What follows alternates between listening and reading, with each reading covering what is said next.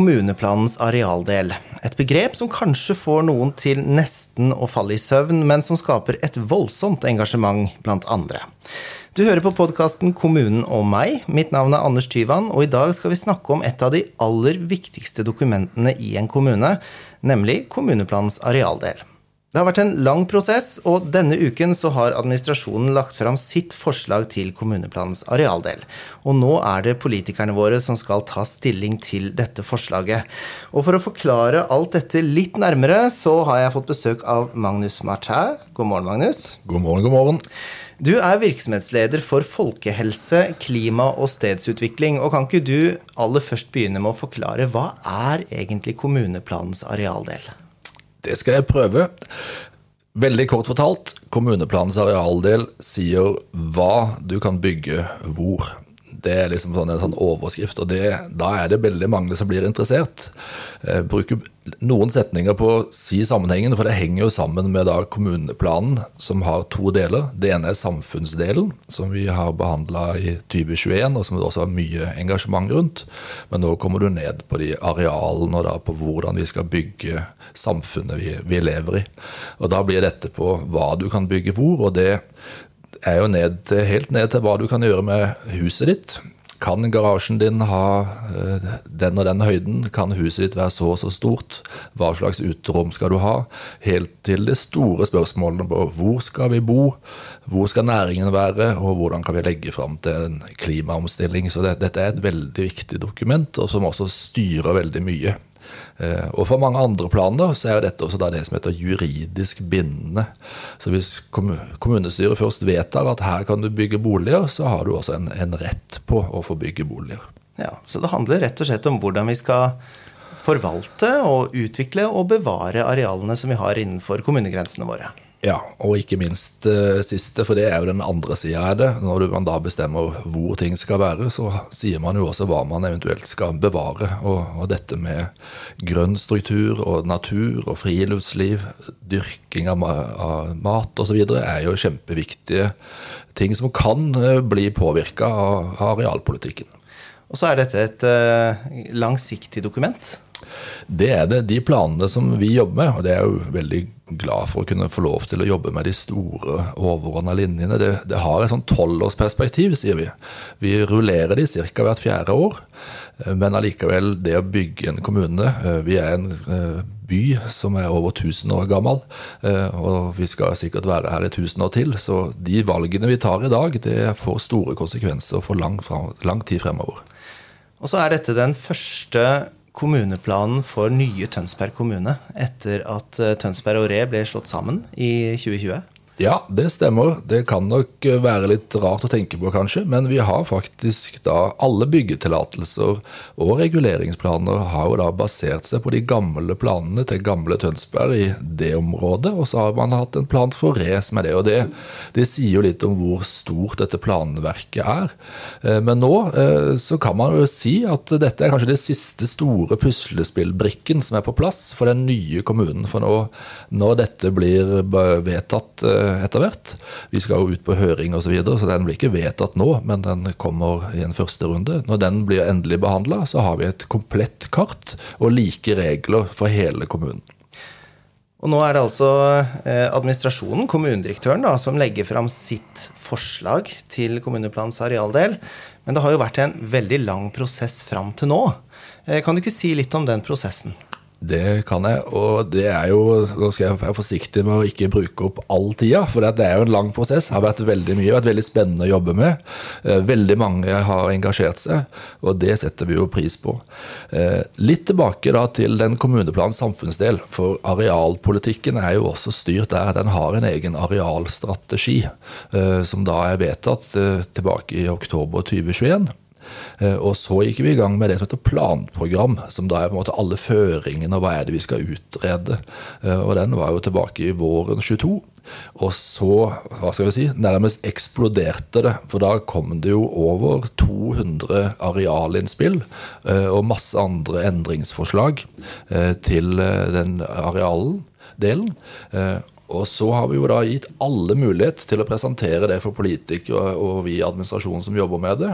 Og så er det en rekke fagutredninger, og vi har hatt egne møter på det som heter senterstruktur, og hvordan de skal utvikle seg. Så det er også veldig mye medvirkning og innspill og dialog underveis. Så jeg må si jeg ble noen kilo lettere eh, når vi på fredag fikk publisert dette. For da har vi liksom nådd en milepæl i prosjektet. Eh, og nå er det jo litt mer opp til politikerne å dra det videre. Ja, nettopp. Men du sier altså over 200 innspill. Det betyr jo at dette er en sak som engasjerer. Hva er det folk spiller inn i en sånn prosess? Det er jo, går mye på om du kan bygge boliger uh, på det og det området. Eier du en tomt som i dag f.eks. er satt av til LNF, som det heter, altså Landbruk, natur og friluftsliv, uh, og hvis du har lyst til å utnytte den på en annen måte, uh, så må du gjennom arealdelen få gjort den om til en boligtomt. Så det er en del boliginnspill. Så har vi også en del gode, viktige viktige næringsområder, eh, som da også, eh, etter de drivernes tanker, trenger utvidelse. Eh, så Lindestad f.eks. har spilt inn behov for utvidelse. Der har vi en, en stor internasjonal bedrift, Revak, som, som har en, en flaggskipsbedrift i, i Tønsberg. Og de, for at de skal kunne utvikle sine, sin bedrift, så trenger de mer plass. Og da er det gjennom arealdelen man gjør denne vurderingen. Så og så har vi en del veldig mye på det som går å gjøre om innafor det man har. Altså Hvis man har et næringsareal, eh, så har man ofte bestemmelser på dette. Og så blir det masse masse innspill på kan vi ha mer handel. For det skal man egentlig ikke ha på et næringsareal. Det har vi et eget formål som heter forretning. Eh, men da er det noen bestemmelser, og så er det, kan vi ha, er det hva slags industri. Eh, og så ser vi jo at i sentrum nå så har vi også da en del gammel industritomter hvor utbyggerne og eierne der ser for seg at det ikke er mulig å dra videre. og da er det i denne arealdelen og denne prosessen man vurderer om f.eks. Kalnes Vest og Scanrope skal gå fra næring og industri til annet formål. Nettopp. Og hva har dere landa på der, da? Vi anbefaler at uh, Kalnes Vest og Scanrope uh, blir gjort om til uh, det som heter bebyggelse. Underforstått at det da også åpnes opp for bolig. men ikke bare bolig. Men det ligger også ganske tydelige føringer på at det også skal komme arbeidsplasser på der. Men den industridelen tror vi nok det er vanskelig å få til å gå videre. Og det, det har vi også, spesielt på Kalnes Vest, sittet i et samarbeid med Færder kommune. Det er jo ikke vedtatt. Men vi har jo sett at eh, eh, industri så tett på sentrum, det, det, er vanskelig å få til. Og så ser vi også at eh, ved å benytte seg av areal som allerede er nedbygd, er også en viktig bit i forhold til å ikke bygge ned natur og eventuelt landbruksjord utafor byen. Og nå er du jo inne på de ulike hensynene som dere er nødt til å veie opp mot hverandre når dere jobber eh, med et sånt dokument. Næringslivet har sine arealbehov. Eh, folk skal bo godt, eh, og samtidig så er det natur og det er jordressurser og alt som skal ivaretas. Hvilke hensyn har, har dere lagt mest vekt på? Ja, nei, det er jo dessverre ikke noe sånn enkelt svar på. For det er jo nettopp det som er oppgaven vår, og det som kanskje gjør det så spennende med denne prosessen, er jo at da, når man da rullerer arealdelen, så er jo bestillingen både fra eh, Stortinget og lovverk eh, og forpliktelser internasjonalt at det er da man skal virkelig gjøre alle disse vurderingene. Altså Vi skal ta alle disse hensynene med. Eh, og bærekraft har vi snakka om lenge, men det har blitt enda mer satt i system. Og Man kan dele det litt sånn enkelt til tre. At det må både være økonomisk bærekraft, det må være en sosial bærekraft, og det må være en klima- og miljøbærekraft. Eh, og sammen, eh, på toppen av det, så må man samarbeide for å finne de gode løsningene. Så vi har jo prøvd å veie dette, da. Eh, og derfor så er det jo også noen noen steder så har vi tillatt at man bygger ned natur for viktige næringsinteresser, men så har man da også sett på om det er arealer som man tenker er riktig å bygge ut likevel. For man har satt av fra tidligere. sånn at man til sammen så har man vært veldig opptatt av, og det er kanskje det som står aller tydeligst og sterkest, er det med å bygge på en måte som gjør at man kan eh, ha en mye mer effektiv samfunnsdrift. At man kan bevege seg med gange, sykkel og kollektiv. Eh, sammen med vern av, av først og fremst dyrka mark, men også natur eh, som ikke er nedbygd. Nettopp. Eh, senter Byutvikling det er jo også en eh, sentral del av kommuneplans arealdel. Eh, Og med senter så snakker vi også om forskjellige typer senter som vi har rundt forbi kommunen vår. Vi har eh, områdesentre, og vi har lokalsentre, i hvert fall. Vi har kanskje enda flere klassifiseringer også. Ja. Men si litt om det. Hvorfor er det viktig å ha en bevisst tenkning rundt hvordan vi skal utvikle disse sentrene? Da tenker vi f.eks. på eh, Tolsrød, Revetal, Eik. Ja, Nei, det er jo der vi ser at flere og flere også tiltrekkes mot, og det er jo der også daglige gjøremål og aktivitet er. Og litt som jeg sa i sted, dette med å bygge et samfunn som er effektivt å drifte. Eh, og da når vi snakker om effektivt, så betyr det også at man bruker lite energi på å forflytte seg. Og at man kan Vi har ingen ingenting i dette planverket eller i de føringene som er vedtatt politisk at man ikke skal reise mer eller ha flere reiser, men man skal gjennomføre reisene på en annen måte, og at man skal kunne løse sitt daglige gjøremål i helst gange- og sykkelavstand, eh, om ikke så at det er tilgjengelig bussakser. Så det å bygge opp rundt bussaksene og noen kraftfulle sentre, det tror vi er riktig for å få til eh, den effektive driften av samfunnet. Og så tror vi også boligmessig eh, at når man da vi ser at husholdningsstørrelsene i kommunen Norge generelt, men også i Tønsberg, går ned. I nå er det ca. gjennomsnitt 2,1 personer som bor i hver husholdning. Det vil si at det er veldig mange som bor alene. At man da også har tilgjengelige små enheter eh, for eh, mindre husholdninger. Og demografien vår, også hvordan befolkningen fordeler seg på alder og kjønn osv., den viser jo en klar tendens til at det er den eldre delen av befolkningen som vokser. Eh, Så det å få da disse eh, de, kunne bo i sitt nærmiljø, men bo også effektivt sentralt, og gjerne litt i sånn tøffelavstand fra butikken, det er jo en sånn eh, pekepinn på at man har liksom lykkes med den måten å gjøre det på. Og det henger også da sammen med at vi, vi er jo i sterk vekst, og vi har jo hatt et press på en del ut, på eksisterende boområder. Eh, Og man tenker at det også er litt svaret på at man kan bevare de boområdene slik de er, men så er det noen steder man sier at her kan man bygge tettere og mer konsentrert. Eh, Men der har vi også hatt en veldig god sånn som vi opplever da, en involveringsprosess. Og vi har hatt møter, og eh, vi skal snakke mer om hvordan eh, prosessen skal videre. For vi skal jo ut på høring, men vi er veldig spent på å få tilbakemeldinger på det. Men det er jo en, en politikk som Tønsberg og eh, Re, eh, tidligere Re og tidligere Tønsberg har hatt. Vi, begge kommuner har hatt en sånn senterstruktur, og så er den nå blitt slått sammen til én stor. Så vi er jo da på faktisk fire nivåer, da. Fra nærsenter til lokalsenter, områdesenter og, og sentrum. Nettopp. Men det betyr at det skal eh, bygges både flere boliger og flere sentrumsfasiliteter inn ved disse sentrene, er det riktig? Det er tanken. Ja. Og hvilke av disse sentrene er det som kommer til å oppleve størst forandring framover, da, tror du? Det er litt vanskelig å si. sånn Rent sånn fysisk så har vi jo også Sem og eh, Tolsrød, som er områdesenter, og Revetall, eh, Re sentrum, eh, har jo allerede vedtatt ganske mange planer eh, på, som ikke man kanskje i samme grad har sett ennå, men det kommer.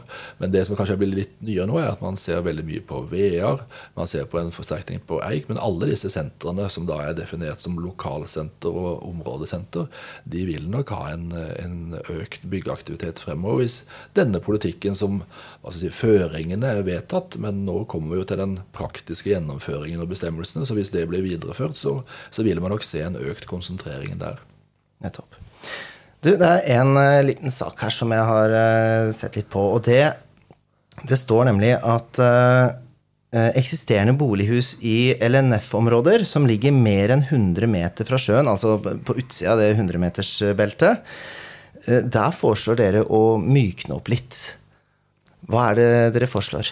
Ja, der har vi jo, og det har vi jo allerede en politisk vedtak på, for vi har hatt litt sånne underveissaker i denne prosessen. Så, så noen ting er allerede politisk forankra og bestemt. Men det det går på, er at i dag, hvis du har en bolig som ikke ligger i det tekniske begrepet boligformål i arealdelen, eh, så må du da saksbehandle en Om du skal ha en ny terrasse, du skal øke størrelsen på garasjen eh, litt, så må du da ha en dispensasjon. Og det er en ganske tungvint, eller i hvert fall ressurskrevende måte å få gjennom en sak på.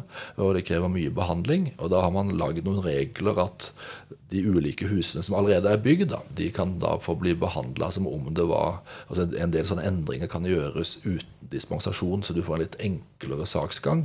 Det betyr at, at den som søker, blir mindre ressurskrevende, og kommuneadministrasjonen kan konsentrere seg om det man vil si er kanskje litt viktigere saker for veldig det vi foreslår her, og som allerede er politisk forankra og, vedtatt, er jo egentlig en eh, praktisering av dagens eh, måte å gjøre det på. Sånn at de dispensasjonene du får i dag, de slipper du å søke dispensasjon for. Så det er ikke direkte ny politikk, men det er likevel en litt enklere saksgang. Nettopp. Forenkling er bra. Det liker vi. Men kan det være noen eh, litt bekymra naboer rundt forbi, tror du, som lurer på hva som kommer til å skje på naboeiendommen framover? Det kan tenkes. Nå er jo Mange av disse tomtene har jo ikke så mye naboer. Eh, Nei. Men det som man kanskje er mer bekymra for, er om dette fører til en økt press på natur- og friluftsområdene våre. Så man kan jo si at eh, innbyggerne og allmennheten kan være litt bekymra for hva som skjer. Men igjen, så er det, det er, i disse reglene så er det ikke lov å bygge nye boliger eller gjøre sånne store grep, og altså, nye veier osv. Det er snakk om mindre tiltak som eh, terrasser, eh, litt utvidelse og nye vinduer vinduer, fasadeendringer, en del sånne ting, som, som har vært et veldig eh, streng dispensasjonsregelverk da, for å kunne få gjennom. Og det de kan gjøre, er altså det de i utgangspunktet ville fått lov til gjennom en dispensasjon uansett? Ja, ut ifra praksis man har sett, så er det det det går i. Nettopp. Eh, hva hadde blitt konsekvensen hvis vi hadde droppa hele den prosessen her med kommuneplanens arealdel? Nei, da måtte vi jo fortsatt å hva skal vi si, eh, bestemme og utvikle basert på de reglene vi har hatt. Eh, og det vi ser, er jo at hvis dette planverket og arbeidet blir utdatert, så blir det jo også ofte mer det som heter fravik fra overordna plan og dispensasjon fra regler. Eh, og da blir det jo en mer komplisert saksbehandling, sånn at det blir vanskeligere å, å, å komme gjennom med ting. Og ting går seinere, og man bruker mer ressurser. Eh, og ikke minst så er jo det som det er ikke helt nytt, men det er nytt at vi så systematisk også går gjennom og ser er det noe som si, er gått av moten. Mm. Man har kanskje sett før at man, hvis man først har fått inn et område til næring eller bolig eller hva det skulle være for 30 år siden, så selv om ikke du har gjort noe med det, så Eh, så kan man gjøre det en gang i framtiden, men nå tenker vi på det litt mer som ferskvare. Eh, og dette er jo ikke noe kommuneadministrasjonen har funnet på. Dette er jo forankra i det som heter planprogrammet, som er de føringene at vi skal da se på om det er områder som ikke er bygd ut, eh, og som da man tenker at selv om de har en tillatelse i dag, så skal man justere og se på at nei, det er heller et annet sted vi vil ha utbygging. Så det kan sitte noen som eier eiendom rundt forbi og angre litt på at de ikke har vært litt raskere på avtrekkeren, altså? Det kan tenkes, men de er i hvert fall godt informert ja. eh, om de pågående prosessene. Så de har også hatt anledning til å uttale seg om det. Og, og, det kommer også en høringsrunde, så det er også veldig viktig å få fram at vi sender nå ut noe til det som heter førstegangsbehandling. Kommunestyret skal behandle dette, og det kan godt tenkes at det kommer en del endringer i forhold til kommunedirektørens forslag, eller administrasjonens forslag. Eh, men når det da er behandla 14.6, eh, så skal vi ha en lang og brei høringsrunde. Og vi skal etter beste evne være flinke på å informere og gå ut med informasjon, sånn at de som har interesser i saken, da, kan komme med sine innspill. Og når vi ser på nivået på engasjementet så langt i prosessen, så kan vi vel kanskje ta høyde for at det er en del eh, høringsinnspill i vente også? Du skal ikke se bort fra det, og det ser vi også fra nabokommuner som er inne i sånne prosesser. Det, det, er mange som har engasjement på dette, men vi, vi håper jo også at prosessen har vært såpass god da, at eh, det i hvert fall ikke er store overraskelser som, som kommer. men det at noen er uenig, og det er litt det som kanskje er det vanskelige, at for den enkelte initiativtaker eller den enkelte grunneier, så blir jo dette én sak for han eller hennes eh, tomt.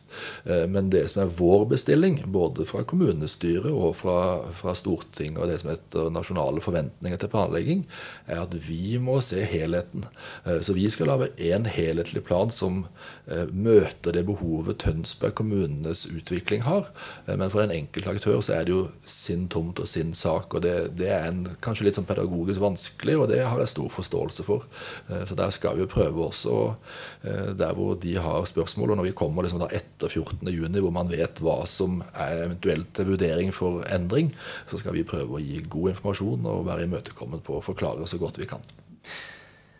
Flott. Det har vært en stor jobb for deg og dine folk gjennom lang tid. Så jeg tror bare får si vel blåst så langt. Og så eh, er det opp til eh, politikerne da 14.6, førstegangsbehandling. Og så er det høringsrunde, og så skal eh, planen endelig bankes gjennom en gang i løpet av høsten. Ja, vi, ser, vi, antar nok at høringsfristen blir sånn tidlig i oktober, men det er også opp til politikerne. Vi er lovpålagt minimum seks uker, men høyst sannsynligvis så bikker vi nok nyttår uh, før vi har den behandla. Tusen takk for at du forklarte oss litt mer om kommuneplanens arealdel, Magnus. Eh, hvis det er noen som har eh, spørsmål eller eh, innspill til temaer dere ønsker at vi skal ta opp i podkasten Kommunen og meg, så kan dere sende en mail til podkast at tonsbergkommune.no.